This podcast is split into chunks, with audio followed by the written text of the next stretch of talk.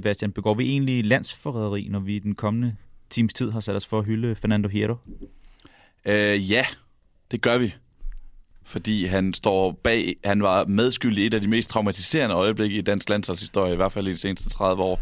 Men jeg synes stadigvæk, at vi, vi må ligesom løfte os op over det, og stadigvæk tale om en, øh, en fremragende fodboldspiller, en fremragende forsvarsspiller, som var mere end et øjeblik i Sevilla i 1993. Vi er for gode til at lade os øh, hænge af fortiden. Francis, i sidste uge der nævnte du til slut i udsendelsen, at du gerne så, at vinderen af vores afstemning blev Marcel Desailly. Nu blev det så Hierro. Hvad kan unge forsvarsspillere i dag lære ham? Og enormt meget. Uh, enormt meget. Hans type uh, har været en hel æra uh, i forhold til, hvordan uh, man skal lære forsvarsspil, hvad der blev velanset som, som forsvarsspilleren. Og på den måde, så minder de faktisk meget om hinanden. Uh, det de kunne, uh, og det de... Uh, det de faktisk tilført spillet. Så på den måde har jeg ikke nogen, øh, har jeg ikke nogen problemer, for, tvær, nærmest tværtimod. Øh, det er faktisk en, som jeg selv har, har brugt rigtig meget til at lade mig inspirere. Så øh, hvis jeg har kunnet lade mig inspirere, så tror jeg også, der er andre derude, der har kunnet det. Og Jan, mm. Fernando Hierro blev fremhævet for mange ting, det elegante forspil, men også for målene. Kommer vi nogensinde til at opleve en forspiller, der scorer 127 mål for Real Madrid igen, tror du? Nej. Altså, jeg, jeg var helt... Øh, det kan være, at folk ikke forst- eller tror, at vi har researchet, men jeg har faktisk brugt rigtig meget tid på research øh, på, Pihero, og jeg, jeg blev faktisk øh, grebet af de der fantastiske standardsituationer. Altså nogle sindssyge kasser, han har lavet på, øh, på direkte frispark. Men også generelt, hans, øh, han er elegant, men han var også hård. Altså hans, hans taktingsteknik øh, er helt eminent. Den måde, han kunne time sin indgreb, specielt de, øh, de glidende taklinger, som måske er røget mere og mere ud af spillet, øh, der var han en, en mester. Øh, så Hero har været en, en fantastisk øh, oplevelse at dykke ned i igen. Og så elsker jeg, at hans venstre arm er helt udstrakt, når han øh, næsten løber. I hvert fald, når han, øh, når han afleverer. Han var jeg ekstrem... langt diagonaler der. Ja, ja, han var ekstremt øh, påpasselig med netop at, at være i balance. Og det gør man jo netop, når man øh, især øh, bruger højrebenet, som han gjorde så øh, skal ens venstre arm være helt udstrækt. Og det var han øh, meget, meget dygtig til at gøre. Så hans øh, teknik kombineret med øh, især den der glidende takling, var jeg meget fascineret af, da jeg dykkede ned i ham her i, i weekenden. Det er måske noget med hans øh, højde, der gør det. Altså jeg tænker, høje spillere skal måske have balancepunktet lidt højere op med armene ude. Dennis Bergkamp skulle så ikke gøre det. Han var kun en, hvad blev enige om, 68 høj. Jo, han var jo danser. Hero er ikke helt øh, så elegant. Og jeg vil faktisk sige lidt i forhold til DCI. Jeg synes, der er en kæmpe forskel på dem. Det er, DCI var jo meget powerful, forstået på den måde. Jeg synes også, han var øh, vendbar, meget vendbar og meget øh, stærk, accelerationsstærk og, og hurtig. Jeg synes måske, Heros største problem, øh, fordi han var nødt til at lave glidende taklinger, det var jo, at han manglede noget acceleration, og, og jeg synes heller ikke var lige så vendbar som måske de allerbedste spillere på positionen, øh, da han spillede. Men en fantastisk leder, og øh, det kommer vi jo tilbage til, også blandt andet, hvorfor han stoppede i Real Madrid. Det var jo, fordi han gik foran holdet og, og udfordrede præsidenten i Real Madrid, og det kom så til at koste ham lidt. Men øh, det er en god historie, som jeg håber, jeg får lov til at fortælle senere. Ja, og jeg vil, jeg vil også gerne lige have lov at uddybe senere, hvad jeg mener med sammenligningen mellem de to. Jamen øh, godt, vi har allerede taget hul på en hel masse ting. Jan, Jan har været til bryllup, men stadigvæk haft tid til researchen. Og, øh, ja, ja, selvfølgelig. Jeg skal passe mit arbejde. Skal vi ikke lige blive vedkommen? Det her det er altså et uh, nyt afsnit af det, vi har valgt at kalde for fodboldens kongerække. Det sted, hvor vi taler fodbold, følelser og fascination for nogle af spillets allerstørste gennem tiderne. Mit navn er Kenneth Hansen, og jeg har i dag besøg af Jan Mikkelsen, Francis Diko og Sebastian Stanbury gutter, i min tid med fodbold sådan tæt ind på kroppen, der har ordet Galacticos fyldt en del, når man har omtalt Real Madrid. Det her hold fra begyndelsen af nullerne, hvor det, øh, klubpræsident Florentino Pérez han købte den ene store stjerne efter den anden. Men øh, når jeg rent personligt tænker tilbage på Real Madrid, så er det faktisk mere det hold fra midten af 90'erne med øh, Michael Laudrup, med Redondo, med Bujo på mål, med Mitchell, med Luis Enrique og så selvfølgelig Fernando Hierro på holdet, fordi det var en lidt anden karakter, det her hold havde. Hvordan har I det med det egentlig? Hvor står I hen der? Det var jo ligesom der, der, var nogle, der var nogle hårde år for Real Madrid i 1990'erne, hvor Barcelona havde det bedste hold i verden med El Dream Team. Men så kommer Real Madrid ligesom tilbage i slutningen af nullerne og vinder Champions League for første gang i tre årtier. Slutningen af 90'erne? Øh, slutningen af 90'erne, 98, undskyld, ja. selvfølgelig, ja. Øh, I slutningen af 90'erne.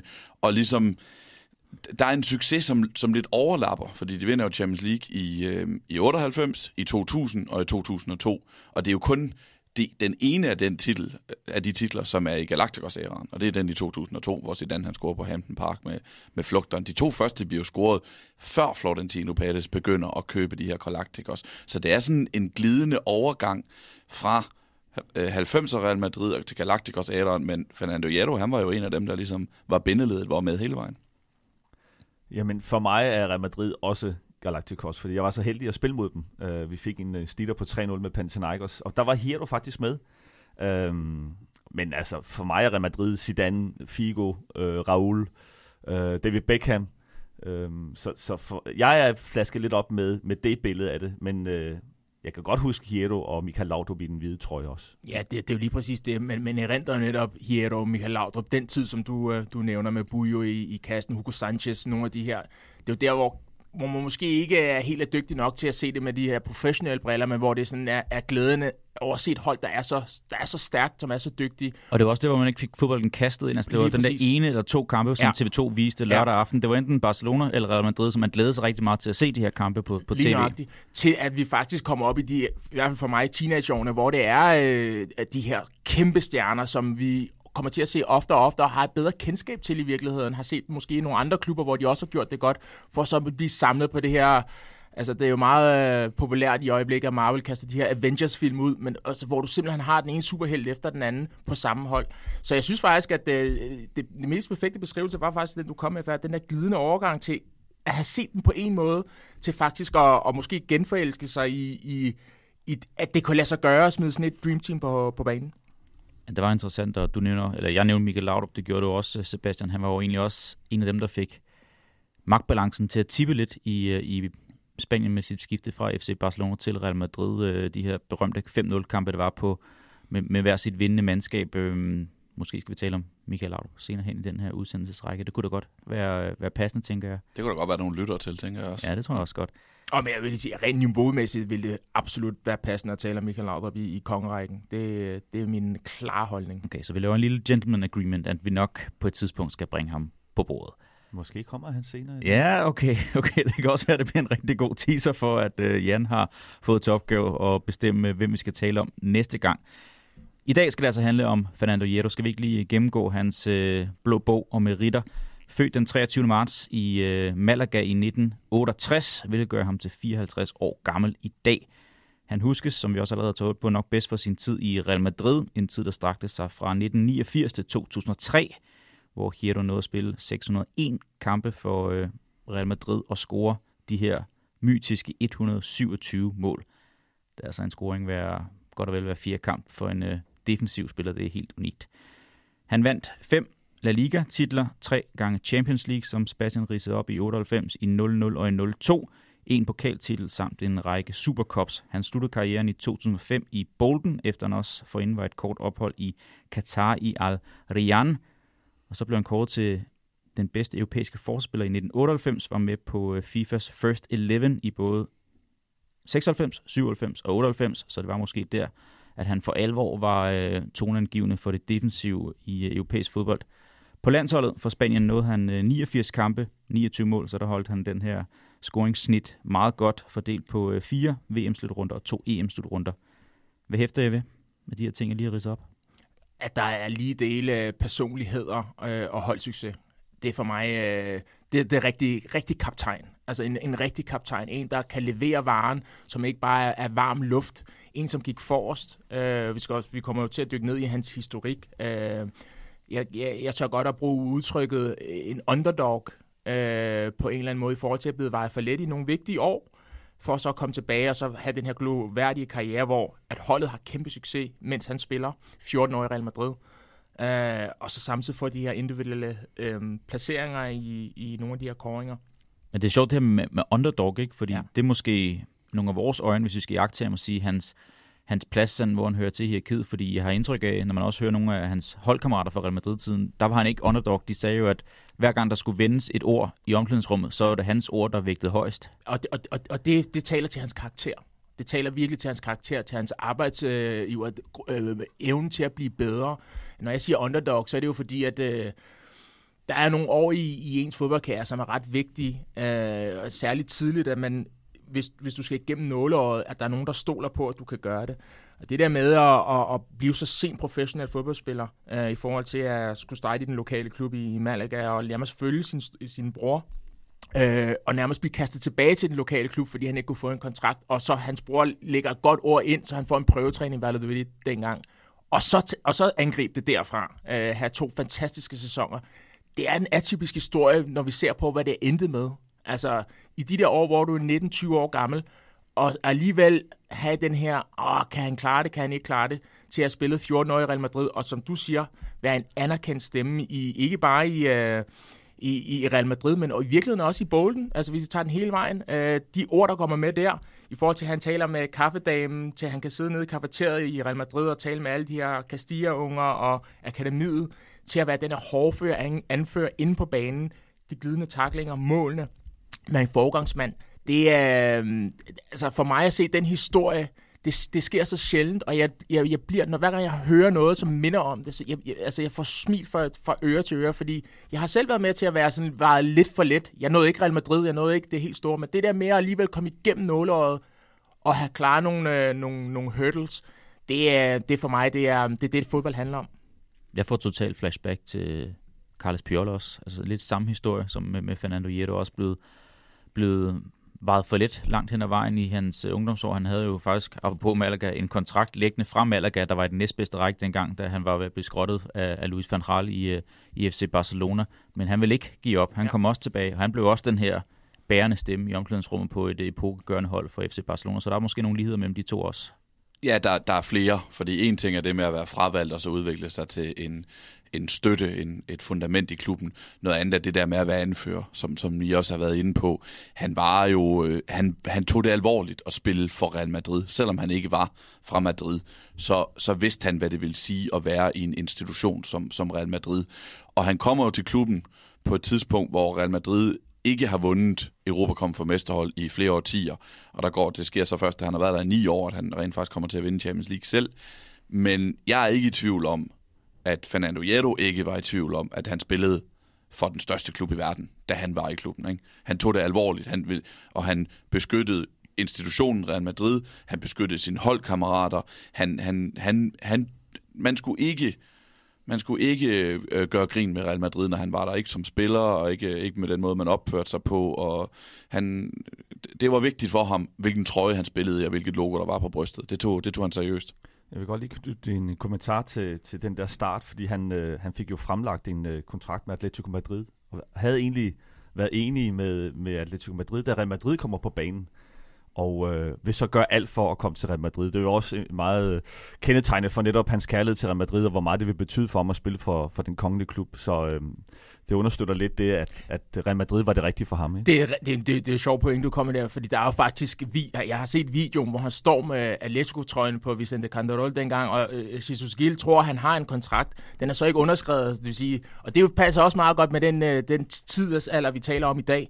Altså fodboldspillere, som vælger det ene og det andet. Altså der er ikke noget, der er sikkert, indtil uh, blikket er fuldstændig uh, tørt. Uh, og de kommer så på banen Real Madrid. Uh, det jeg kunne forstå i forhold til det, jeg har læst, det er, at de skal så give en kompensation på, uh, jeg tror det var 30 millioner pesetas eller sådan noget dengang. Ja, Real Madrid med at betale. Jesus Ril og, ja, og Atletico. Og så giver han jo alle aktionærerne et ur, hvor der står øh, øh, eller oversat gave fra øh, Don Ramon. Don Ramon, lige præcis, altså, som var direktør i, øh, i Real Madrid. Ramon Mendoza, ja, Real Madrids præsident. Ja, ja, det synes jeg er jo, eller undskyld, præsident, det synes jeg jo er en, en fantastisk historie. 70.000 uger var det angiveligt, det der blev sendt til øh, de her medlemmer af Atletico Madrids ja. fodbold, øh, altså fodboldklubben, medlemmer af fodboldklubben der. Det, altså, det er jo en, det er jo en, det er jo, det er jo en genial historie. altså, prøv at forestille jer øh, sådan en historie, det, det kan næsten ikke lade sig gøre. Og alligevel så sker det hele tiden, at i sidste øjeblik er der nogen, der bliver kabret øh, og, øh, og spiller for et andet, en anden klub. Isas var også lidt specielt, ikke? Han kommer i sæson 10 af fodboldens kongerække, og så laver vi en episode Vi skal om have præsidenter, skal vi Ja. have. Men det er hammerende interessant det her med, at han jo var, som du siger, at det var jo, da han var Valladolid-spiller, mm. han var rejst med, da de skulle spille en kamp på øh, Vicente Calderon mod Atletico. Han var skadet i det opgør, men han, de brugte så perioden til, at han kunne underskrive den her kontrakt med Atletico Madrid. Og interessen kom jo på bagkant af den her Copa del Rey-finale, der var i 89, hvor Valladolid var nået hele vejen til finalen. Spiller mod Real Madrid, taber øh, med flotte 0-1, kan man sige, i forhold til styrkeforhold mellem de to. Og så var det så Atletico, der var mere interesseret end Real til at starte med, men Real endte så med at, at få underskriften for Fernando Hierro i anden omgang. Ja. Kan vi lave et lille tankeeksperiment? Hvordan kunne det være, hvis han var endt i Atletico frem for Real Madrid? Fordi jeg synes, som Sebastian også er inde på, altså, han er jo adelig på en eller anden måde, Fernando Hierro, i hans øh, fremtoning på banen, i den måde, han har også været fodboldpolitiker uden for banen og sådan noget. Også han passer jo som fod i hose i Real Madrid. Det havde været en lidt anden historie, hvis han var ind i Atletico. Ja, men det, der var i hvert fald var helt sikkert, det var, at de havde fået kvalitet. Vi ser jo allerede den første sæson, han er i Real Madrid, hvor de vinder mesterskabet. Jeg tror, han laver syv mål øh, i hans første sæson. Så han kommer jo ind og har en, en, en øjeblikkelig impact. Altså, han, har, han ændrer jo, ikke ændrer Real Madrid, for Real Madrid har vi lige slået fast, er en institution, som, øh, som er et, øh, et kæmpe brand på størrelse med for eksempel sammenligne, nu har det lige været Apple-afsløringer, hvad der kommer af nye iPhones og sådan noget. Altså, det er sådan en der, som er household. Det er sådan et, et brand, som alle kender Real Madrid. Og det var det jo også lidt dengang, øh, største, den største klub, klub, den kongelige klub. Og han har altså en impact. Så, så ja, det bliver måske ikke øh, den her...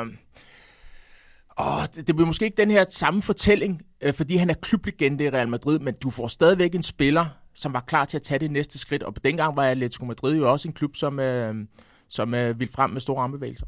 De havde, altså, han var også blevet klublegende i Atletico Madrid. Jeg tror ikke, de havde så fået tre Champions League-titler, øh, som, som dem, som Real Madrid fik i 98, 2000 og 2002. Men han var også blevet en klublegende i Atletico Madrid, fordi han var jo langtidsholdbar. Han spiller 14, 14 år i Real Madrid, ender han med at spille, ikke? til han er langt op i 30'erne.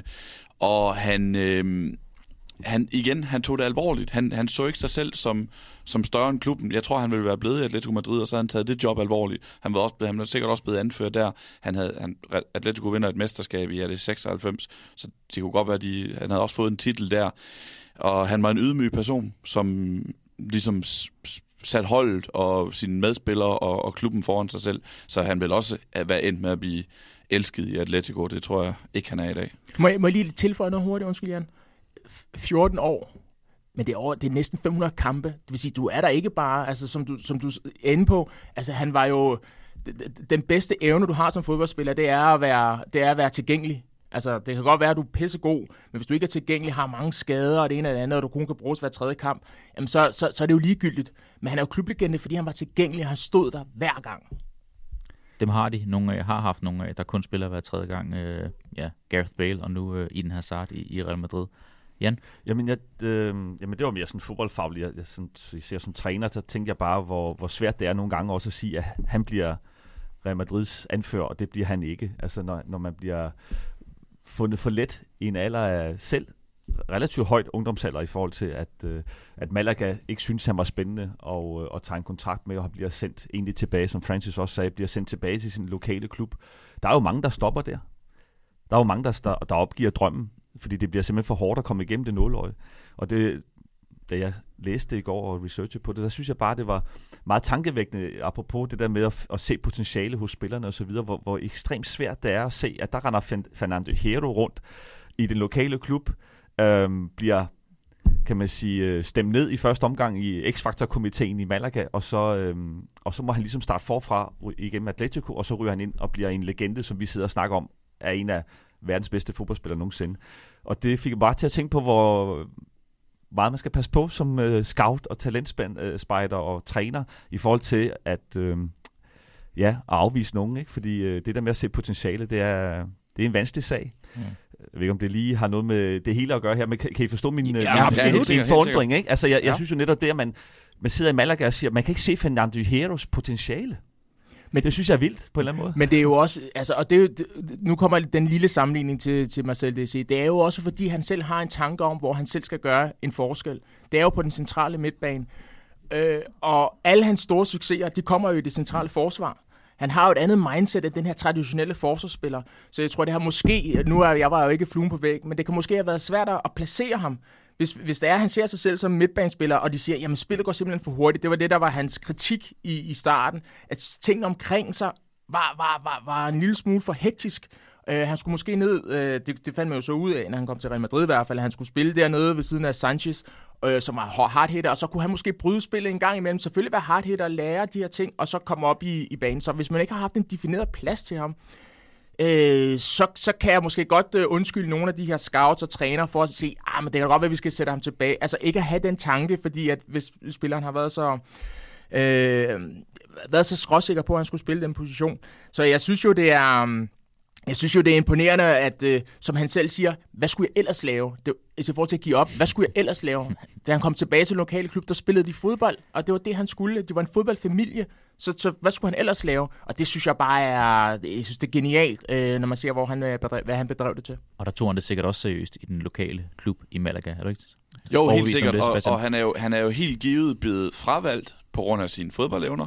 Der har været noget, hvor de tænkte, der, der mangler noget her i forhold til, at han kan blive topspiller i, i Malaga, men så er han jo blevet til et Real Madrid-ikon på grund af sit hoved. Mm. Også, han endte jo også med at blive en fremragende fodboldspiller, og de, han er jo komplet forsvarsspiller, synes jeg, øh, som kunne takle, som kunne score mål, som havde det her drev med bolden, som lige kunne høste en modspiller, og det var nødvendigt også, også igen, hvis der var nogen, der driblede lidt for meget rundt, for det skulle man ikke gøre med Real Madrid, så bliver man bare slagtet. Ikke? Så han kunne jo det hele som forsvarsspiller, men det var jo i kraft af, at han ligesom havde intelligensen op i hovedet, viljen op i hovedet til at vel nå så langt, som han øh, endte med at nå. Men, men for os, det, han, det, der beskriver ham bedst, det er jo netop den her øh, yin-yang. Altså enormt elegant, enormt dygtig, netop med det her midtbane angriber mindset, vil gerne øh, understøtte angreb, både kunne drive bolden frem. Det vil sige, det var jo ikke noget, der var en, en, en fast del af den tidsalder, han spillede i, og det er jo derfor, han bliver så unik. Det er jo det der med, at han kunne tage bolden med frem, lave den lange aflevering. Vi har lige snakket om, hvordan hans positur var, da han skulle lave de her diagonalskifter, de dybe bolde. Altså meget ikonisk og meget karakteristisk i øjenfaldene. Og så havde han den der hårdhed, altså de taklinger, som Jan har været inde på, som vi taler om, de der sliding tackles, altså de der YouTube-klip, det er jo fuldstændig fantastisk. Der er også nogen i Italien, der er rigtig dygtige til det. Men ellers så er det jo sådan noget, det er jo sådan en signatur. Altså han kommer på tværs, glidende takling, tager bolden til sig, og så den første aflevering derfra er konstruktiv. Så, så, så, så der var lige del af det der lidt øh, uh, Jekyll Mr. Hyde, altså en dejlig, rar mand, men også hårdhed, øh, altså elegancen og den her hårdhed, øh, det, den var bare kombineret i en tid, som, hvor det ikke var så, var så typisk. Han minder mig faktisk lidt om, at det kan godt være, det er sindssygt, og I ikke øh, er med på dem. Men jeg, da jeg så klippene igen i går, og, og mindes den tid, hvor han, hvor han var dominant, han minder lidt om Bengbauer, synes jeg lidt. Fordi det Hero kunne, det var jo netop at bryde Europa bolden, og så tog han jo bare med. Jeg synes mm. også tit, han kunne drive bolden mm. igennem. Han har også der er lavet nogle mål, hvor han øh, mm. dribler forbi en 3-4-5 stykker omkring øh, modstanderens strafsparksfelt. Han var jo faktisk ekstremt, øh, kan man sige, bevægelig og fleksibel i forhold til øh, dribling og så videre også. Ikke? Jeg har så, præcis skrevet Beckenbauer ned, fordi vi er har rigtigt, ja, men øh, det har vi ikke engang aftalt. Er det rigtigt, Kenneth? Nej, vi skal prøve at sammenligne dem med nogen fra, ja. fra gamle tider. Der, der kom Beckenbauer op som det første. Det er ja, også for mig. Altså, er, det, er jeg okay? Jo, Jamen, og, det er fint. Ja. Og, også, og, og han blev også sammenlignet dengang, da han spillede, fordi da han spillede, var Beckenbauer trods alt ikke så lang tid tilbage. Og der snakkede man jo nemlig op, fordi han kunne det med at tage bolden med frem. Ja. Jamen, det var en slags en moderne Beckenbauer. Og lidt det samme sådan en positur med, med han, han så lidt stiv ud, når, mm. han, når han løb, men det var han faktisk ikke i forhold til den impact og, og de produkter, der, der kom ud af hans driblinger. Så Beckenbauer var sådan helt også i forhold til at være lederen, ikke? og være en, en taktisk leder, men også den der holdets øh, frontmand i, i modgangstid, og være, have noget robusthed, når det ikke øh, når det ikke kørte ens vej.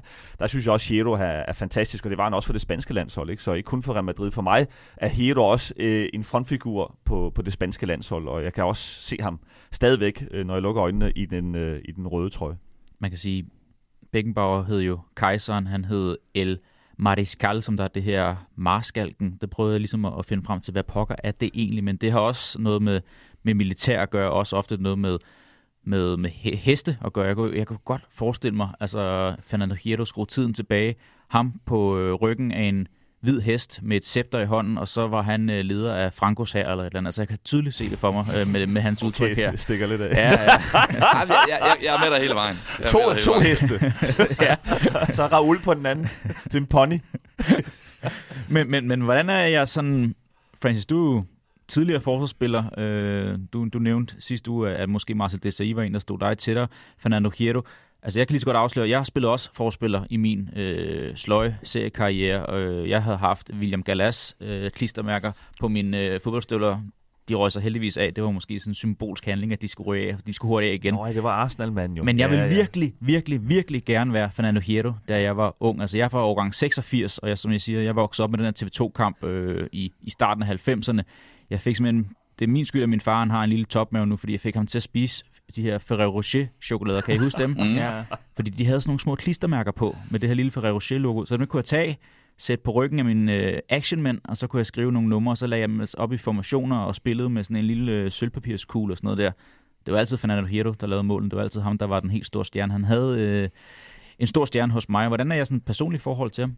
Altså, jeg har øh, været i selskab med rigtig mange i unge, min ungdomstid, som gerne ville være Fernando Hierro. Jeg var, jeg var inspireret af lidt af nogle andre ting, øh, sådan rent øh, udsindsmæssigt. Det havde det lidt om for mig. Altså, jeg ville gerne kunne spejle mig i en, der lignede mig selv, og det er også derfor, Marcel Desailly øh, er en, en type, som, som, som, som jeg bryder mig rigtig meget om. Men også fordi, at øh, altså igen, den her lille sammenligning af positionerne, altså kunne spille til defensiv midt, central forsvarsspiller, og det, der hed sweeper dengang. Mm-hmm. Det kunne de begge to. Øh, på hver sin måde. Men det, der er forskellen for, for øh, Fernando Hierro og rigtig mange andre forsvarsspillere, som han selv har udtalt, der er jo mange gange, hvor han er i løbet af en fodboldkamp har tænkt, jamen hvad nu, hvis jeg lige går med op og lige sparker på kassen, eller jeg lige er med op og er med i det her angreb. Altså han havde jo en, en, en, en angribers tankesæt, selvom han skulle være forsvarsspiller først. Og det er jo også derfor, han kan, han kan blive bragt i nogle, eller han bringer sig selv i nogle situationer, hvor han kunne gøre en forskel i forhold til, til måltavlen, altså score mål simpelthen. Og det er jo, øh, det må jeg jo sige, det er jo, det, det er jo inspirerende for alle unge, øh, at, at du kan bidrage lige dele til det defensive og det offensive. Men jeg skal bare huske på, at dengang, der fik man bare banket ind i hovedet. Altså, når du står dernede, så skal du, være, så skal du bare være forsvarsspiller. Forspiller med stort F. Ja, og ikke så meget andet. Så, så på den måde var det jo inspirerende, men også noget, man ikke rigtig turde, øh, fordi at det, øh, det så man ikke øh, normalt. Skal vi prøve at drible lidt videre i teksten og gå til det her faste holdepunkt med øh, de høje tænder, og måske også en dyb dal eller to, men øh, lad os starte med højdepunkterne og højdepunktet. Det er jo det, I har fået til opgave også at fremhæve et signifikant øjeblik, som der ligesom øh, indkapsler hele Hierros karriere. Hvad har I fundet? Jeg har Champions League-finalen 1998, Mhm. mm-hmm. som var en af de bedste kampe, han nogensinde spillede, og en af de vigtigste kampe, han, han nogensinde spillede. På det tidspunkt har Real Madrid starter jo ligesom øh, Europacup-turneringen tilbage i 1950'erne med at vinde de første fem titler i træk. Så er vi ligesom i gang. Så er vi i gang, ikke?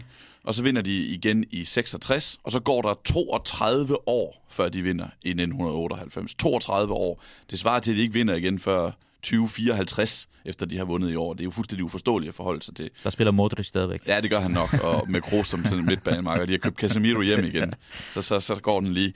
Så, så de, det, har, det gjorde jo ondt på Real Madrid, at man i alle disse år ikke vandt Champions League. Men så kommer de i finalen i 1998, møder Juventus, som er i finalen for tredje år i træk, og kommer med den her offensiv, hvor øh, de spiller med øh, øh, Zidane bag ved Alessandro Del Piero og, og Filippo Inzaghi. Ja. Og så øh, Hierro, han neutraliserer bare særligt Del Piero i den der kamp, og de, de vinder et mål på et mål af Predrag Mijatovic. Og det var det var så stort for ham, og det var så stort for Real Madrid at vinde den kamp. Det var stort for Hierro, som, som vi har talt om, nærmest personificerer Real Madrid på det her tidspunkt. Og så spillede han bare så godt. Jeg, jeg fandt en, en, øh, en kommentar i den spanske avis AS, som altså er skrevet her i år, hvor en af deres kronikører, Alfredo Relano, han skriver, at den dag i dag ærger jeg mig stadigvæk over, at jeg ikke, øh, ikke har givet ham fire stjerner i den kamp. Og AS har sådan et system, hvor de giver karakter. Der kan man maksimalt få tre stjerner, men hvis redaktøren går ind, så kan man godt få fire stjerner ved særlige lejligheder. Og her, så snakker vi altså 24 år senere, hvor en af, en af skribenterne stadigvæk er også, han ikke gav øh, Jero den der særlige topkarakter for Og den kamp der. om natten, bade det sved. Ja. Fire stjerner! Jamen, de går op i det dernede, må vi bare det sige. må man sige, ja. Så ja, d- den har jeg som sådan lidt enkeltstående, og så kan vi tage nogle honorable mentions. Kan vide, hvad Likip, om de har givet ham 10, ligesom Lars Vindfeldt-kamp ikke. mod... Nej, Det nej, gjorde de okay. ikke. Han var ikke... Der stod øh, han edderdagen også godt. Ja. Nej, han fik Og Lars 10 Sø point. mod Real Madrid, det er nogle af de der kampe, hvor man siger, det var sådan en overmenneskelig præstation, ikke? Jo, Ja. men det er der mange, der mener, at det var Jero Ja. i den kamp, ikke? Jeg har, jeg har sjovt nok også øh, lige præcis øh, den kamp, og, og særligt fordi, du, du får nævnt det nøglepunktet for mig, det er, at han har Del Piero nede i lommen. Det er jo sådan, at publikum, de synger, hvor er Del Piero, hvor Mhm. er Del Piero, nede i uh, Hieros lomme. At de har spist ham? Ja, også nogen, spist ham. Ja, ja, han har spist ham. Altså, det er, det er, øh, det er, det, det, det, jeg ved ikke, om det er hans bedste kamp. Det, det, det, det må han jo selv øh, vurdere. Men det er hans bedste kamp, som jeg har set. Altså, det er, fordi at man skal jo tage modstanden med, når man vurderer, hvornår en spiller har spillet ekstraordinært godt. Øh, det er jo derfor, at Lars Høgh, det bliver væltet helt derop. Det er jo, fordi det er mod Michael Laudrup og, og det her store Real Madrid-hold. Øh, Lars Windfeldt, det var måske Han er pænt meget at lave. Ja, han er pænt meget lavet. det er rigtigt nok. Øh, det var mod Narn, tror jeg, ikke? Ja, det var mod øh, Ja, ja. øhm, Hvad hedder det? Og, og, og det, det, der gør det, det er jo, at på det tidspunkt er Juventus for det første en, en mastodont. Det er det jo stadig klubmæssigt, men de altså, se dem spille den dag i dag, så, så kan man næsten ikke genkende det. Øh, og alligevel så, så, så leverer han varen så øjensynligt i forhold til, at det stadigvæk er et stjernebesat øh, Real Madrid-hold. Så den, den, øh, den har jeg også. Og så igen, som, som Sebastian taler om, så er der jo rigtig mange små ting, som han har gjort på det personlige plan, som måske ikke er blevet øh, highlightet på samme måde. Han har et hat, altså en stopper, der har et hat Ja. mod Zaragoza. Det, er- det, er jo- det er jo sådan noget. Og, og det hat-trick der Til er lavet... karrieren. Ja, det Ja. er i 2002. De vinder 3-1 i Ja. den kamp, og han scorer efter sådan en dødbold Mm. mm. på straffespark, og så en af de der, hvor han lige, før, og lige pludselig er med fremme i et angreb og sparker den i mål. Det vildeste ben, angreb i øvrigt. Ja. Flotteste angreb. Det, det, det kan man godt se. Det, han scorer, det er jo enormt flot, men hvis man ser angrebet, der er lige en, en Cole York-agtig en, og så videre, og så banker han den ind. Altså, der, der, der, der er rigtig meget, og det, det kan vi blive ved med med ham her, og det er det, der er så fascinerende. Vi kunne også gå i nogle forsvarsaktioner. Nu tager vi det offensive, og det er jo det, der, der gør det berettiget, at vi har ham med her. Men alligevel, det var sjovt, fordi I fremhæver den der defensiv præstation, selvom vi har snakket om de her 127 mål, og I nævner selv, at han laver hattrick i øh, karrierens efterår, inden han tager til, til Katar og til Bolton. Der laver han kunne hjælpe med hattrick i en La Liga-kamp i, i starten af nullerne. Han har også de her tre sæsoner, hvor han laver 44 mål og 21 mål i den ene sæson. Det er jo ikke det, vi fremhæver. Det er trods alt stadigvæk den her defensive øh, magtpræstation mod Del Piero og Juventus. Jamen, der bliver, vi bliver også nødt til at nævne den der sæson i, øh, i, i 91-92, hvor han laver 21 ligamål. Det er helt sindssygt. Det er helt vildt. Altså, jeg ved godt, han spiller også nogle kampe på central midtbane, men stadigvæk 21 mål af en central midtbanespiller er jo også helt vildt. Og jeg har noteret mig til, at han kun laver et mål på straffespark Ja. i den sæson, så vidt jeg kan se. Ikke?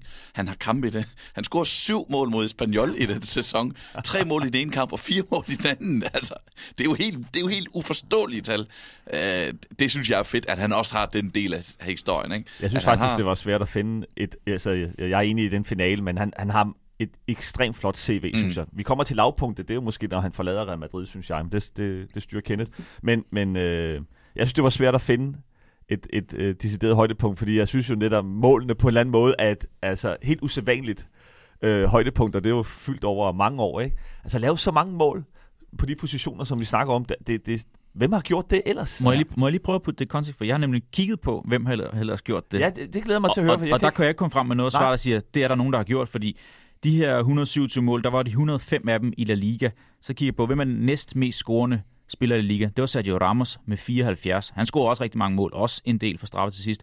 Ronald Koeman har vi jo fremhævet som ham her, der altid lavede målene som forspiller. Han lavede 67. Han har så også sikkert lavet nogen for det hollandske landshold fra sin tid i, i PSV Eindhoven. I Premier League, den der stopper med flest scoringer, det er John Terry, men det er 41. Der er altså et stykke op til 105.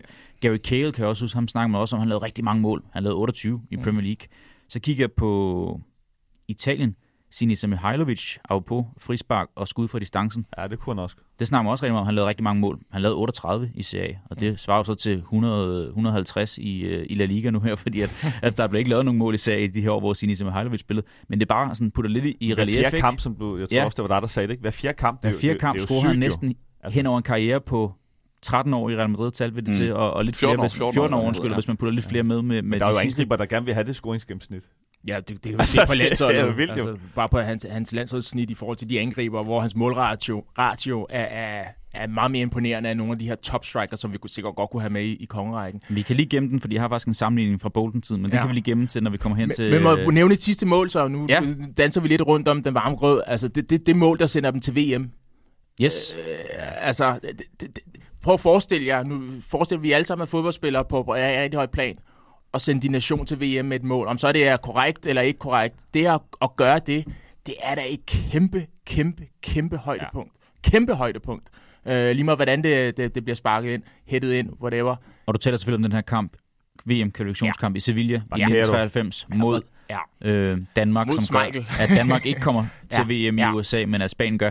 Også, altså, øh, yngre lytter vil måske tænke, selvfølgelig er Spanien med til slutrunder og sådan noget, men, men de havde jo også nogle svære perioder der i, i slutningen af 80'erne, starten af 0'erne, helt frem til ja, faktisk også i, i 0'erne også, synes jeg også, Ja, at deres de var bedste resultat er jo en kvartfinale, som han er en del af, indtil Yes. yes. de vinder i, i 10. Ikke? Øh, en slutrunde i, igen, hvor det er sådan, så begynder æraen virkelig. Så, så, så, så Spanien var jo et, et, altid et respekteret hold, men, men øh, havde nogle problemer. Og derfor, når der er du med til de her ting, det, det, det skal vi da highlighte, selvom det er på bekostning af, af vores nation. Men tag os lige hånden, det her mål i 93, for dem, der ikke har set eller hørt øh, om det. Det gør Hvad var, det for en, øh, hvad var det for en oplevelse? Men altså, det er jo, det er jo, en, det er jo et hjørnesparksbold, som, øh, som øh, jeg skulle til at sige Kasper Smeichel, det må jeg undskylde. Peter Smeichel skal ud til, og så tror jeg, at Bakado meget, meget bevidst, nu siger jeg tror, men ligesom vender lidt sådan til, til side, altså ligesom obstru- hvad hedder sådan noget der? Ja, obstruerer. Ja, han obstruerer. Ja, det gør han. Øh, så, så, så Peter Schmeichel ikke kan komme ud og, og, og værfe den bold væk. Screener ham. Han screener ham, og, og det er jo i vores optik, i min optik i hvert fald, der, der er et frispark, for der er ikke nogen intention om at spille en bold. Hvad havde VAR sagt? Frispark. Det ved vi ikke. Nej, det ved jeg faktisk ikke. det er nok. Det er nok det er rigtigt. Jeg er, faktisk, jeg er faktisk i tvivl om det. Er du det? Ja, det er, altså, Ja. nu er vi danskere, og ja. Ja. vi, har, vi har de briller Ja. på os, og så synes vi, og alle kan jo se, at der er klart frispark og sådan noget. Ja. Jeg er faktisk i tvivl om, fordi øh, nogle af de ting, der også foregår i Superligaen i dag, hvor, hvor det er blevet endnu mere øh, struktureret med screeninger og Ja. standardsituationer, hvor meget der bliver lavet for, at man kan frigøre nogle spillere i nogle bestemte områder. Det foregår hele tiden, og der bliver... Der bliver måske ikke revet så meget mere, fordi den, det tager man fat i med de der screeninger, hvor man netop, som du siger, ikke har intention om at gå efter bolden selv, Ja. men netop at blokere nogle, nogle løbebaner. Ja. Det, det, det foregår hele tiden, og det bliver ikke dømt. Så skal du næsten dømme øh, frispark ved eneste standardsituation, i hvert fald frispark for siderne og hjørnespark. Ikke? Men det gør jo så, at, at målet er, altså, kan, uh, undskyld, Peter Schmeichel er jo nærmest på skovtur, så det ligner det jo. Uh, og så, så, altså, så, så skal man bare gøre det sidste stykke arbejde. Det er så Fernando Hierro, som gør det sidste stykke arbejde, og tager den ind over stregen, og, og sørger for, at de kommer med til en slutrunde. Og igen, vi har lige talt om det, men faktum er, at som fodboldspiller, så bliver det ikke større. Og det gjorde han jo på det spanske landshold. Han gjorde mm. Det sidste arbejde. Ja. Fordi jeg synes lige, vi skal nævne... Jeg tror måske, vi nævnte det i slutningen af sidste episode, det kan jeg ikke engang huske. Men hvor mange mål han lavede på det spanske landshold. Altså, han er jo den mest scorende spiller på det spanske landshold, indtil Raul han overtager rekorden ja. for ham. Og i dag, de eneste, der har scoret flere mål for det spanske landshold, David Villa, Raul, Fernando Torres og David Silva. Ja. Så kommer Fernando Hierro stadigvæk på femtepladsen over de mest scorende spillere på, øh, på det spanske landshold. Mere end Botriguinho for eksempel. Ja, ja. 29 mål i 89 kampe. Det er 0,33 mål per kamp. Altså, han scorede hver tredje landskamp. Ja. Vi nævner også nogle hårde ord for dansk fodbold, ikke? Butragen Ja, og det er så Hierro, rigtigt. det er jo... Ja, det er det er lad os, komme, lad os komme videre i testen til det her. Øhm, det her karrierens lavpunkt, og på at danse om den varme grød, Jan. Du har også Ja, men det vil jeg øh, godt sige, op for, fordi, det, for jeg er øh, enig, jeg er enig med, med det, Altså, du jeg, har. jeg, og det, det kan være, at øh, der er nogen, der skal belære mig om, om, at verden er bare sådan. Jeg, jeg forstår ikke en mand, der har den status, han har, og netop virkelig har båret den hvide trøje med, med stolthed og også, øh, synes jeg, har, har stået fast på nogle, på nogle værdimæssige ting osv. Det kommer vi til med, med forhold til hans afgang fra Real Madrid måske. Så, så forstår jeg ikke, at man tager til øh, Al Riyad, eller Rayan, hvad, man, hvad det hedder. Du sagde det bedre, end jeg gjorde. Det, det forstår jeg ikke. Altså, han, må, han kan ikke mangle penge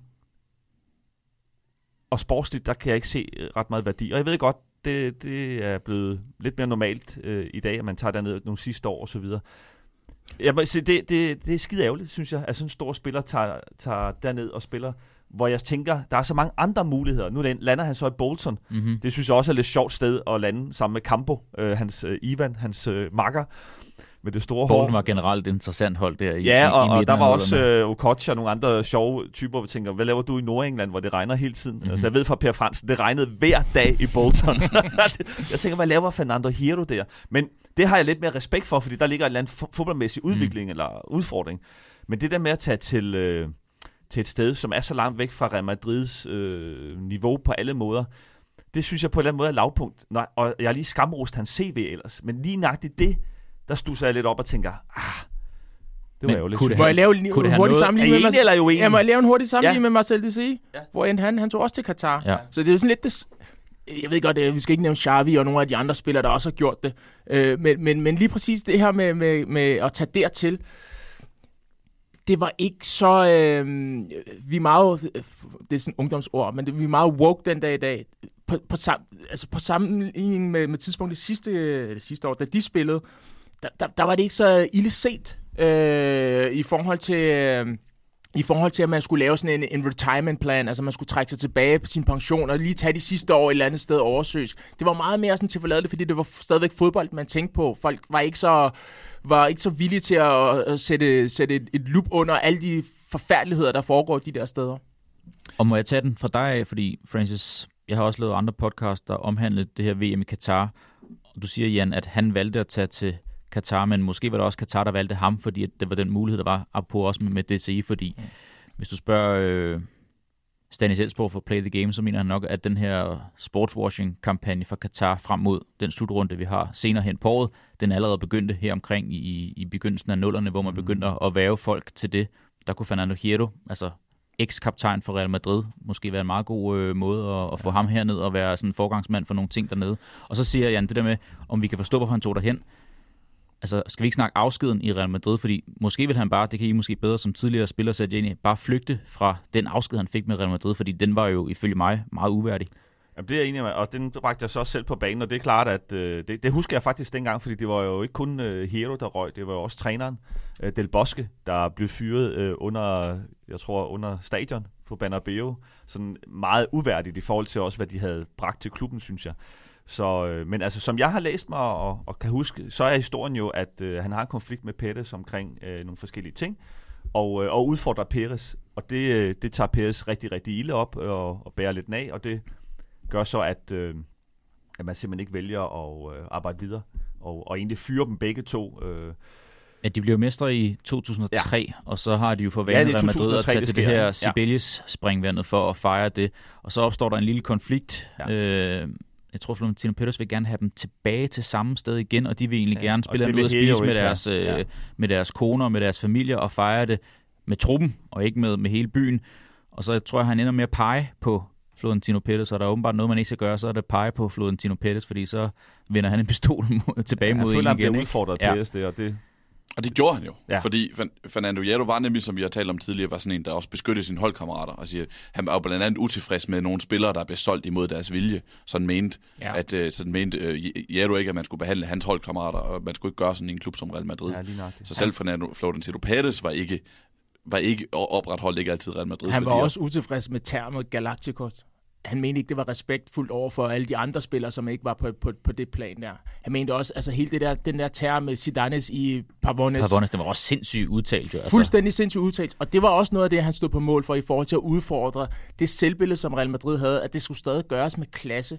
Øh, så, så der er selvfølgelig nogle konkrete ting, som Jan er inde på, men der er jo også hele tankegangen, som var ved at skifte i Real Madrid, som han måske ikke kunne forene sig med, med det Real Madrid, som han havde også haft succes med i virkeligheden, som var noget andet. Øh, det skal vi huske. Jeg, jeg, jeg har helt klart uh, tiden i Real Madrid, eller afslutningen med Real Madrid, afskeden med Real Madrid som, som karrierens lavpunkt. Mm-hmm. Men jeg synes stadigvæk også, det siger noget om Jero, at han aldrig faktisk blev et vringbrag. Fordi hans sidste sæson i Real Madrid, jeg husker det som om, han var begyndt at blive en lille smule langsom. Mm. Men han, han spiller altså 38 kampe i den sæson, og det er kun to gange, han er på bænken, så han var, han var fast mand på det her hold. Og så tager han til Katar, mærkeligt, lidt mærkelig beslutning, men så tager han jo til Bolton og bliver jo faktisk også en publikumsyndling der. Helt vildt. I den her ja. charmerende tid i Premier League, hvor de der mindre klubber i England lige pludselig havde råd til at hente kæmpe stjerner, der vundet Champions League tre gange, og de blev jo elsket, ja. og han var jo god nok, og han stopper på et tidspunkt, hvor Bolton stadigvæk gerne vil beholde ham, ja. men hvor han, hvor han selv ligesom siger, nu er det slut. Ikke? Så det der med, at han faktisk kunne være med til det aller sidste, indtil han selv valgte at sige, nu er jeg færdig. Det, det, det synes jeg viser noget om, hvor dygtig han også var. Sam Allardyce tækkede og bad ham om at tage en sæson mere. Og jeg, jeg læste, at han er blevet kåret til den 9. bedste i deres historie. Han spiller altså kun 35 kampe. Ja, det er vildt nok. Det fortæller altså noget om den her, både den her publikums øh, favoritværdighed, han havde, men også, han, lavede, han, han gjorde en forskel. Hvad, altså, nummer, hvad nummer er Per Fransen i Boltons historie? Lige under Henrik Tømmer. Lige under Tømmer? Ej, jeg, jeg tror, ej, Per, ej, Per ligger højere end Tømmer. Ja, det, men ja, det ved jeg ikke. Det, det tror jeg da ikke. Og så er der Bolton jo. Hvad med Michael? Han, han, han, øh, Michael Johansen? Ja. Jeg tror, jeg tror ikke, han... Hvor lang er listen? Bo Hansen. Bo, Hansen, Bo Hansen var det der også. Ja, ja, det var fyldt jo... Ja. Altså, det flød jo med danskere på et tidspunkt i Bolton. De skal have Bolton en, Wanderers. De skal have en liste kun med danskere. Altså, der har det også en top 25, der kan være det. Nu skal, lad os blive ved Bolton. Øh, jeg havde ellers øh, lagt en det der segment, som vi, vi kalder for... Hvor vi lige uh, kører en, en Wikipedia-side igennem og finder et eller andet brugbart der. Det her med, at han ankommer til Bolton i 2004, og på det her scoringsgennemsnit, vi har talt om, der er han den i truppen, der har det bedste scoringsgennemsnit, og man snakker om, hvor god en angriber ham her Kevin Davis han var. Men han scorede altså en, et mål hver femte kamp, han spillede. Fernando Hierro scorede et mål hver fire kamp, han spillede. Så han var den øh, med den bedste scoringssnit hen over karrieren, da han kom til Bolton, og det var ikke Kevin Davis. Det synes jeg var meget spøjst. Jeg har lidt, øh, jeg ved ikke om det er uvigtig info, men apropos rangeringer, Francis, nu kigger jeg lidt på dig. Hvad nummer, jeg tror I, uh, Hero er i Real Madrids historie, hvis den danske Real Madrid fanklub skal kåre? Jeg har set Det må jeg, liste, nej, så du, du så har- så jeg ved du, det godt. Sebastian må ikke sige noget. Jeg var inde og se den i går. Jeg blev det overrasket. Hvad, hvad nummer Åh, tror jeg, han du- ligger der, når de danske En- en Real Madrid-fans uh, kårer ham? Altså, de har lavet en, en, Ja, igennem tiden. en subjektiv vurdering af deres bedste spillere i klubben. Der har godt nok været mange. Ja, Nå, jeg ved det ikke. Jeg vil, tro, jeg vil tro, at han ikke engang er top 10. det er han heller ikke. Nej. Det, det blev jeg alligevel lidt overrasket Ja, over, når jeg ja, kigger ja. på hans CV. Han blev nummer 14. Okay. Men, men Hvad tænker du om Sebastian? Du vidste det godt. Ja, jeg vidste Ja, det godt, ja. men, men det siger jo også noget om, øh, de har for eksempel Zidane nummer 19. Ja, det var, det var jeg også rystet over. men, men det, det, jeg har respekt for det, fordi de har altså siddet og fulgt med. Ja, i det, det- det, det, det det er deres de. klub, ikke? Men at han er, han er fem pladser højere end Zidane. Ja. Og hvilket også siger også noget om, at der har været så mange, ikke? Men, men ham der, han var altså højere end... Det ved jeg ikke, om han så får i vores kongerækken. rangering. de spiller, vi kommer til at tale om, ikke? har du Hierro fem pladser højere end Zidane der? Nej, det har jeg jo Nej, egentlig det ikke. har jeg nok heller ikke. Men altså, de taler jo så kun Real Madrid-historie, ikke? Ja. Og der er, altså til deres øh, forsvar, der er mange at vælge imellem. Jeg kan ikke huske det, vi, må, vi må tage deres top 10 på et tidspunkt. Ja. Øh, et Wikipedia, Wikipedia-viden. I, ja, men jeg også en episode, jeg gerne vil vende tilbage til, men kom med den der Wikipedia-viden. Ja, men det var, altså, for det, det er umuligt at overgå øh, det med ugerne til Atletico Madrids præsident og øh, en gave fra øh, Don Ramon. Men øh, Hierro betyder, for det første, Hierro er med stumt H, mm. den så siger man på spansk, og så betyder det jern. Ja. Hvilket jeg synes er helt perfekt til en, et midterforsvar. Ja. Og så hans type. Der kommer her Jern. Ja.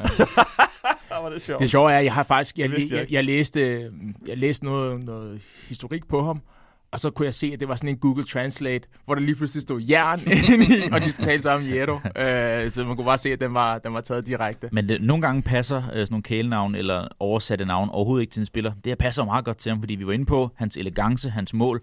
Men jeg faldt også over og på det her med, med Wikipedia-viden, at The Times lavede sådan en øh, kåring over de øh, 50 hårdeste spillere i fodboldhistorien. Der bliver nummer 43. Altså, så han havde også noget jern i sig. Han havde ja. også de her glidende takling i sig, selvom han spillede i den her øh, helt øh, pure, rene, hvide trøje og bukser. Jeg tænker, at øh, Kit-manageren øh, eller, eller konen, hun skulle vaske øh, trøje et par gange med, med Hirte, for han kunne godt, godt finde ud af at være nede på græsplænen også. Jamen, han var ilter. Der, der er rigtig mange reporter fra, da John Toshak var, var træner. Øh, almindelig five-a-side-spil, altså intervalspil. Hvis ikke der blev dømt frispark, øh, der var særligt et spil, hvor der ikke var dømt frispark til ham, og hans hold tabte, så tog han bolden og tyrede den væk, så løb han ind, og der, folk kaldte efter ham, og rolig, rolig, rolig, rolig. Nej, nej, her der handler det om at vinde. Og når det er, at han følte sig uretfærdigt, øh, hvad hedder det, øh, hvad hedder det, bedømt, så at sige, jamen, så, så, så skulle man gøre det med, med, med, med hvad hedder så, med ynde, øh, med, med grace, som man siger. Men i nogle situationer, så kogte det også over for ham. Øh, og det er jo derfor, at, at vi, vi, vi, vi taler om det der yin-yang. Altså, han var en, en, en åndsynlig en rar mand, men når det var inden for krigsdrejerne, så handlede det kun om én ting, og det var simpelthen bare at vinde. Der, der ligger et klip på YouTube, man bør undre sig selv at se, hvor øh, Juanele, øh, Juanele, tror jeg han hedder, en spansk angriber fra, fra 90'erne og 0'erne, i en kamp mellem øh, Sporting Gijon og Real Madrid, bare dribler rundt med hele det her Real Madrid-hold. Han gør fuldstændig, hvad der passer ham, og det er egentlig ikke for... Jeg tror, han laver noget tidsudtræk, forsøger at komme op, øh, og bare sådan renser et hygge sig lidt, og, og så bruger han bare tiden på at ydmøde alle de her Real Madrid-spillere med sine driblinger. Indtil han når til Hierro, så bliver han altså bare høstet. Mm. Igen, fordi det, det, det fandt han sig ikke i, og det fandt han ikke i, at man gjorde mod hans klub Real Madrid. Så, så tager han det gule kort, der er nødvendigt der. Var det Juan Juanele? Ja, det kunne meget vel være. Han var med på det der Tenerife-hold, der spillede mod Brøndby i ja. Midten af 90'erne. Det lyder rigtigt. Ja, okay. Jeg kan huske det der navn. Øh, Jeg tror, det er Flemming Toft, der kommenterer kampen. Øh, Juan Juanele, siger han nemlig meget.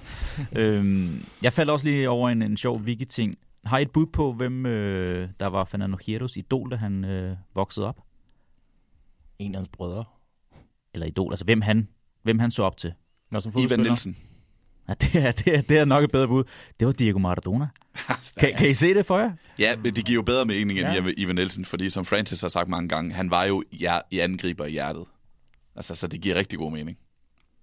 Godt. Inden vi hopper til øh, vores fiktive, efterhånden øh, savnomsbundne kaminhylde, og vi skal have placeret Fernando Hierro op i det fornemme selskab, så kan jeg godt lige tænke mig at vende den her øh, VM 2018-episode. Fordi vi har talt om ham øh, inden for kridtstregerne, men der er også noget uden for kridtstregerne, hvor jeg også omtalte ham. Jeg kan godt se ham blive en stor øh, fodboldpolitiker også. Nu har jeg lige siddet og set en, en dokumentar med, med FIFA-bosserne frem mod det her VM, og der kunne godt trænge til nogle udskiftning på den post. Jeg kunne faktisk godt se ham være sådan en nobel adelig mand, der kunne forklare nogle ting. Han har også været inde omkring det. troede det, vi jo med Platini. Ja, det troede vi med, med ham også, men øh, det viser, at vi tog fejl der. Men Hierro har jo også været inde omkring det spanske fodboldforbund og, og havde nogle administrative roller der. Men den her spøjse episode, seance hen over VM 2018, det, det, det, det, blev, det blev for mig en af overskrifterne på den slutrunde for fire år siden. Det kan være, at du skal fortælle lidt mere, så lytterne er helt med, hvad der sker, for han overtager jo egentlig holdet. Han overtager holdet nærmest normale træner, i flyveren, ja. ja. ja bliver, bliver afskedet, ikke? Fordi og på også Real Madrid. Real Madrid. Altså, ja. Lopetegi vil ja. gerne til Real Madrid, og de vil gerne have ham på det tidspunkt. Han var daværende øh, spansk landstræner, Lopetegi nuværende Sevilla-træner. Ja. Eller det kan være, han er nået blive fyret, mens vi optager her. men øh, men han, han er måske stadigvæk Sevilla-træner. over i Spanien. Ja. ja. Øh, men det blev bare sådan igen understreget det her med en autoritet han er, og også langt hen ad vejen firmaets mand, at han gik ind og, og tog den her opgave, som der var svær, øh, men han gjorde det bare sådan uden at brokse og som det mest selvfølgelig. Jeg undrer mig også over, at han øh, stoppede efter slutrunden, fordi øh, altså, han kunne godt have fortsat af mit indtryk dengang. Det kan være, I ved bedre, men det indtryk er bare, at, at spillerne egentlig godt kunne lide ham, og han langt hen ad vejen havde opbakning, men, øh, men valgte så at trække sig. Ja, det, det undrer jeg mig lidt over også. Ja. Men altså, de røg jo ud i kvartfinalen, ja, så vidt jeg husker. De taber til Rusland på ja, det var ikke, straffespark. Ja, ja, ja, det var ikke så imponerende, vil jeg sige. Jeg vil sige, der hvor det, det der imponerer mig mest, det er jo, det taler jo meget det er jo godt i den tråd, som, som alle har talt om omkring Jero, det er, at han er firmadsmand. Du nævnte lige, altså ikke, ikke bleg øh, for at tage en udfordring øh, og stiller sig, stiller sig for os, når der er problemer for, for nogle institutioner, som, som han holder af. I det her tilfælde var det, var det hans land, Øh, og så er det klart, så forsøger man at gøre sit bedste, men der er ingen tvivl om, på det tidspunkt, så tror jeg også, i forhold til, til det, du spørger til, Jan, om han kunne have fortsat, det kunne han sikkert godt, men jeg tror bare, de, de, de, de lå lidt i moras. Altså, hele den der øh, situation i forhold til Lubetegi og øh, spansk fodbold, som var lidt i stampe, landsholdsfodbold lidt i stampe. Jeg tror, det, det, det, det var en svær opgave, og der tror jeg også, at man har den erkendelse af, kan jeg virkelig gøre det på den lange bane? Øh, der tror jeg øh, eksempelvis øh, Luis Enrique er meget bedre valg, end øh, Hierro ville have været. Godt. Skal vi lige putte uh, Fernando Hierro i tidsmaskinen? Kunne han gøre sig i øh, det her lidt højere, svært, højere tempo i 2022, end han gjorde i, i 90'erne og 0'erne? Jeg tror, fordi han er så komplet en spiller, som han er, så vil han også tilpasse, og så komplet og klog en spiller, som han er, så vil han også øh, tilpasse sig. Han vil ikke lave lige så mange mål i dag. Nej og han vil ikke... Jeg føler, at der er lidt mere struktur i dag. Jeg tror ikke, han vil få lov til at bryde så meget ud, af, bryde ud ja. af det, og ligesom tage, nu siger nu tager jeg lige bolden og ser en mulighed, og så går frem. Med hvilken position vil han kunne klare sig bedst på i dag? På midten eller på den bæreste linje? Det for, mig, for mig den bæreste linje. For mig har han lidt, lidt jo, men jeg har, han, for mig har han lidt Thiago Silva. Thiago Silva spiller også meget mere med hovedet i dag, og meget mere, han er bidsk stadigvæk sin takling, og spiller stadig Premier League. Han er altså ikke den hurtigste spiller længere, og han spiller i tremandsforsvar. Hvis han kan blive beskyttet lidt, mm-hmm. så tror jeg godt lige præcis med den uh, klygt, som Sebastian er inde på, stadigvæk han vil kunne gøre det. Han har stadig hårdheden, når han kommer ind på kroppen af forspiller. Det er jeg klart. Køber, jeg køber tremandsforsvaret. Ja. Men det vil også ja, være... Jeg skal ikke, jeg skal ikke ud i for store rum, vel? Nej, det, det vil også være... så, så er det ikke nok med en glidende takling, så er han nødt til at have en lasso med også. For det vil være et sted, hvor modstanderen vil kigge på og sige, lad os prøve at spille nogle bolde bag ham og få nogle løbdøller med en, med en hurtig angriber. Det er rigtigt, men jeg vil bare sige, der, der løber enormt langsomt spiller rundt i de store ligaer, men de spiller med hovedet. Så prøv at se, hvor længe Piqué har spillet. Jeg ved godt, han ikke spiller den dag i dag. Han har været langsom rigtig længe, og alligevel så har han kunne være med på niveauet, fordi hovedet bare tænker hurtigt, og placeringsevnen det er øh, Jan er ikke enig, men, men jeg synes, det er også okay. Piqué har været træt i mange år efterhånden. Det har han, men han er... Men... Det synes Shakira også. vi lige se og høre her til Han er meget træt. Han har, været, han har fået en ny, en ny dame. En ny dame. En ung, en ung pige. Tænk dig, man forlader Shakira. Nå, det er et andet program, men anyway, hvor sindssygt er det? Nej, men min pointe er, jeg, to, jeg to, i, i hvert fald i tremandsforsvar, nu vil jeg gerne gøre det lidt seriøst. I tremandsforsvar, jeg, stadig, jeg ser stadigvæk spillere, som, som, som spiller på deres placering, der spiller på deres kløgt, Øh, han vil ikke være lige så dominerende rent offensivt. Øh, det, det vil så meget vil jeg, vil jeg i hvert fald gerne øh, tilkendegive. Men, Men vil jeg... han passe bedre ind på et hold, der skulle begå sig i den nedre halvdel af tabellen, frem for et tophold, der øh, har for vane at skubbe langt frem og, og gøre rummet mindre?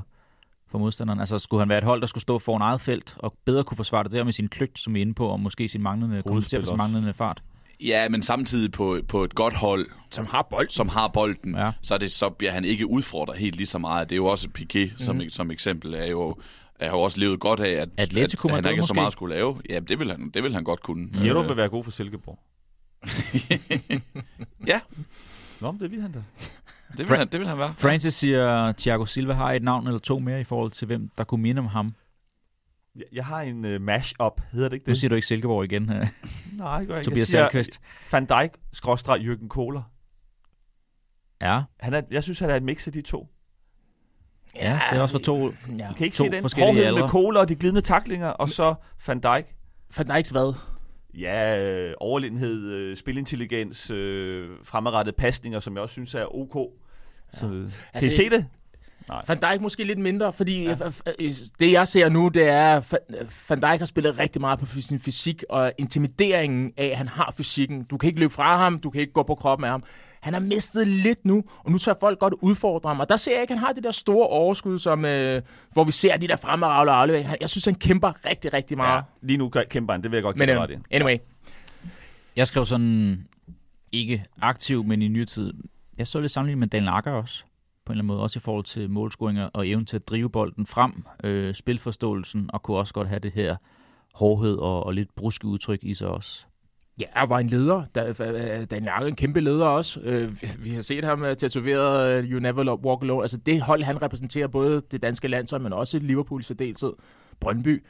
Øh, Det, det har han ude på, ude på altså det, det kan du se, det, det, det står skrevet i panden på ham, at det er dem, han repræsenterer. Så, så på den måde... øh, Mm. Så, ikke- så ikke- Jero skal tatovere La, La Decima på, øh, på sin knor i stedet Ej, for. han skal bare være så fin, som han er, at drikke sin øh, espresso, eller hvad han drikker. Men, men, men sådan rent øh, mentalitetsmæssigt, der kan jeg godt se, øh, og så, så kunne de nogle af de samme ting. Der, der er en spiller, vi bliver nødt til at nævne, øh, og det er Sergio Ramos. Ja, selvfølgelig. Som, da han kommer til klubben i 2005, to år efter øh, Jero er, er rejst, så siger han, jeg skal have nummer 4. Jeg vil have nummer 4. Altså, der var mange, man turde ikke tage det der firtal, eller det var, det, var, det var tungt at få på ryggen, det der firtal.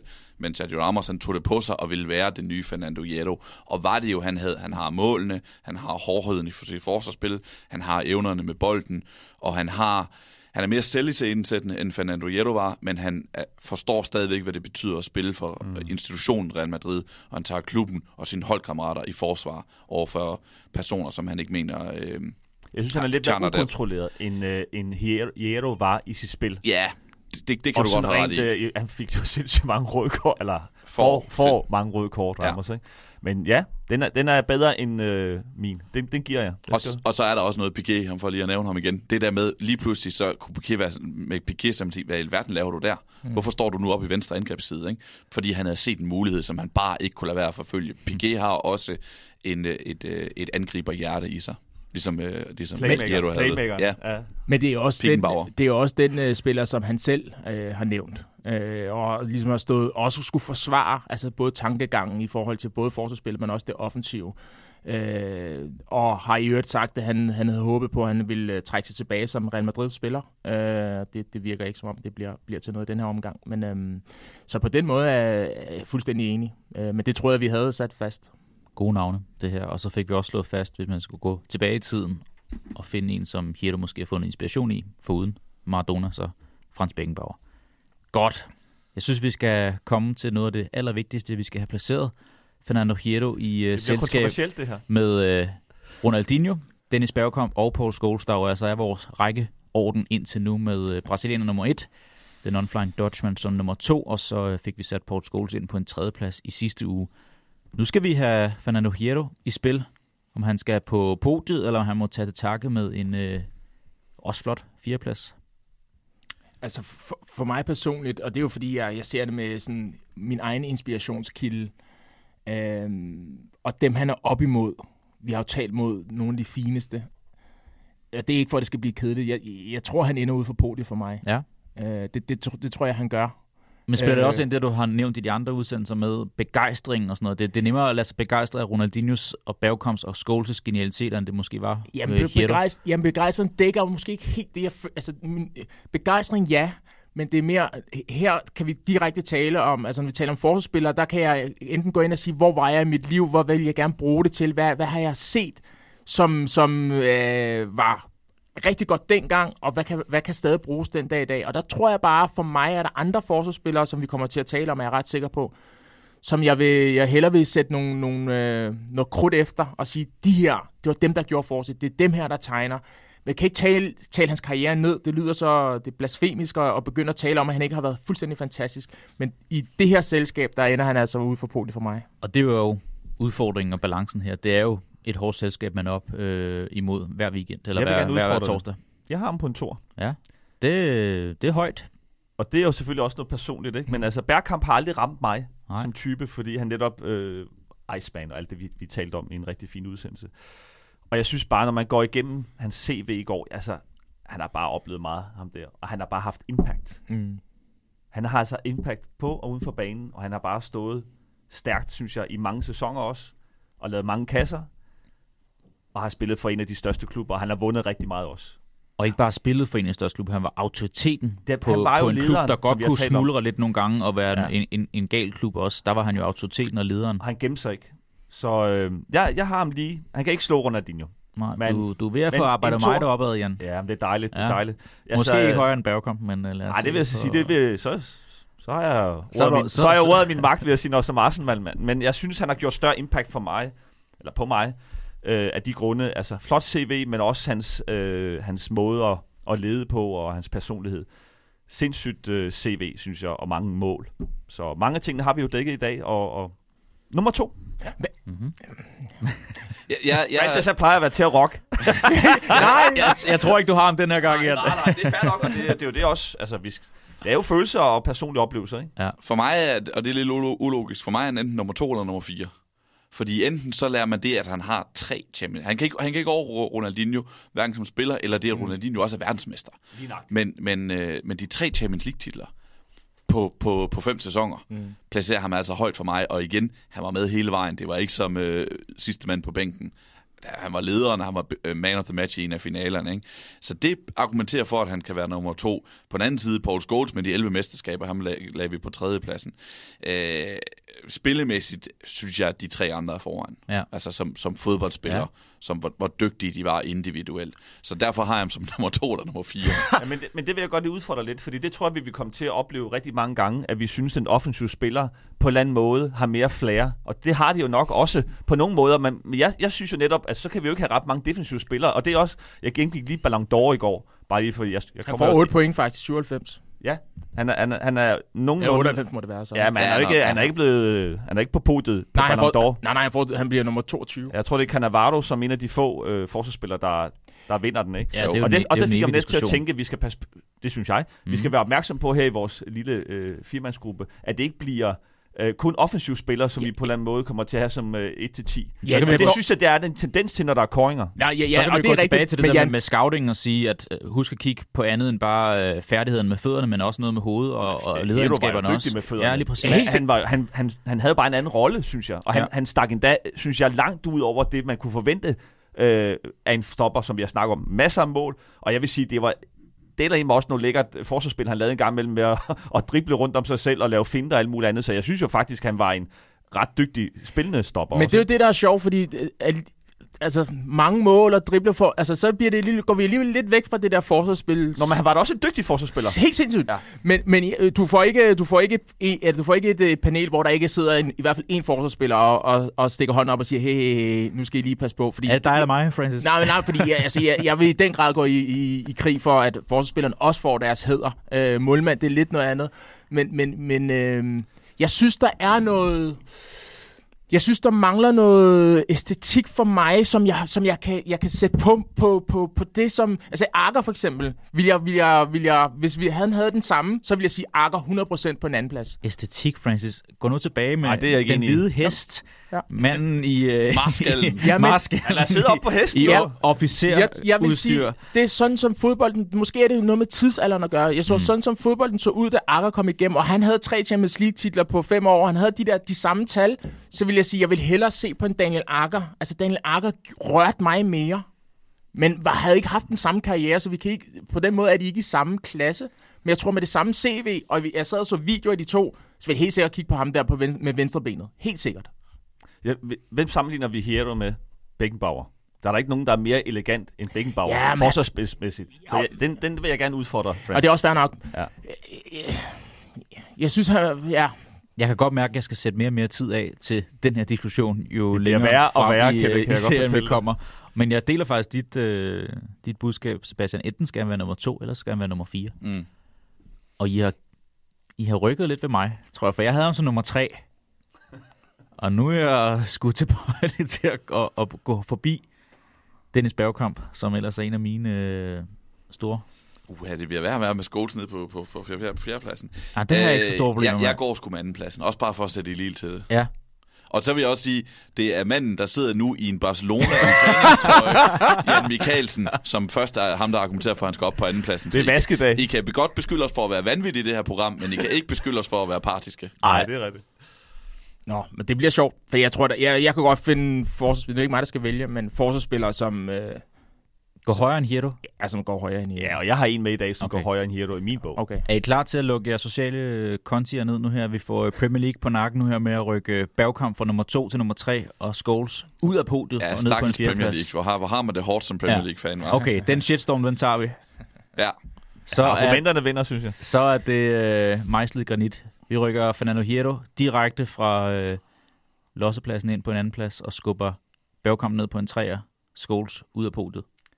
Når vi er færdige med det program, så tror jeg kun, det er Ronaldinho, der er i top 10 af dem, vi har haft indtil videre. Det trækker ned, at han ikke har en landsholdstitel, men det har ja. De to, vi har efter heller ikke. Lige nøjagtigt. Godt. Skal vi ikke sige det? Jo, Jo. Så skal vi øh, lige inden vi lukker dagens program have tre nye navne i spil til den kommende uge. Og det har du, gode Jan Mikkelsen, fået til opgave at skulle finde tre Ja. gode navne. Det brugte jeg faktisk min øh, søndag aften på. Du brugte Jeg ikke brylluppet lørdag på det, vel? Nej, nej, lørdag var jeg til bryllup, og i Okay. går der så jeg øh, tennis. Øh, øh, fantastisk Alcaraz vandt jo øh, US Open. Og der sad jeg og hyggede mig med det her, fordi øh, jeg, jeg elsker sådan noget her selv. Ikke? Altså de der lister og koringer. Og, og jeg kiggede lidt på, hvad har vi været igennem? Ikke? Vi har været igennem en brasilianer med Ronaldinho, vi har haft en hollænder med Bergkamp, vi har haft en englænder med Scholes, og nu havde vi en øh, spanier med, øh, med Iero. Så tænkte jeg, der mangler altså en italiener. Ja, Ikke også? det gør det da. Ja. Og så gennemgik jeg forskellige koringer og så videre, og så fandt jeg tre af mine egne favoritter. Og apropos det der med, at vi skulle huske at have øh, nogle forskellige positioner med, ikke? Så, jamen altså, lytterne skal vælge mellem Andrea Pirlo, Francesco Totti og Paolo Maldini. Det Der, er, der har vi i hvert Hvad fald en tænker I om det? Ja, du har i hvert fald en forsvarsspiller. det er tre for af de mig er- Jeg elsker Paolo Maldini. Ja, han er, altså... Der, der er et bord med, med, med, med backs slash centrale spillere, hvor han sidder for enden. Altså, Ja. ja. han, er en af de, han er en af de store. Det er de to andre øvrigt også. Altså, vi har jo Mediano her, er jo en Mediano, det er jo Pirlo. Øhm, og så Totti.